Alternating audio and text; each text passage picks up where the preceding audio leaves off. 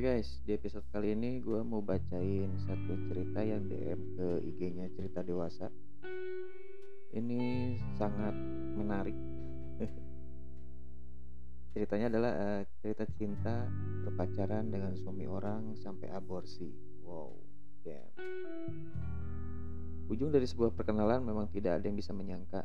Itulah gambaran sekilas hubungan asmara antara Bunga dan pacarnya Agus yang saling kenal lewat tantenya kayak ini nama samarannya diceritakan bunga melalui ini dirinya mulai menjalin hubungan dengan Agus sejak SMA saat masih berumur 16 tahun. Waktu itu Agus memperkenalkan dirinya sebagai seorang duda yang mempunyai anak satu. Dengan status yang duda Bunga tak merasa keberatan sebab Agus selalu memberikan perhatian yang luar biasa seperti menjemput dan mengantar dia ke sekolah Meski demikian, rasa tenang itu perlahan berubah menjadi sebuah mimpi buruk. Tepatnya ketika hubungan mereka beranjak satu setengah tahun, pada waktu itu tiba-tiba telepon milik bunga berbunyi. Dia ditelepon oleh istrinya Agus. Ternyata pengakuan kekasihnya yang mengatakan kalau ia adalah seorang duda merupakan kebohongan. Wow, ngapain bohong sih?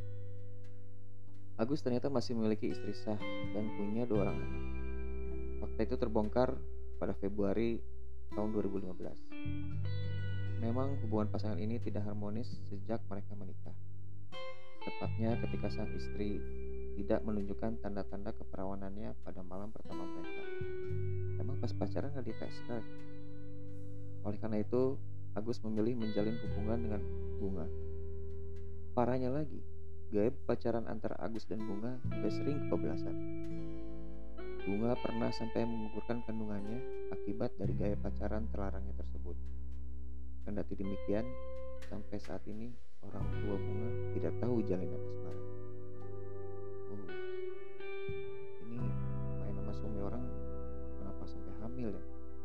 Maksudnya jangan rapi kayak maksudnya jangan dihamilin gitu kan bisa buang di luar daripada buang di dalam. Kan kalau misalnya udah hamil begitu kan repot sampai dihamilin sama suami orang belum nanti istrinya ya uh, buat bunga yang sabar saja di sana ya.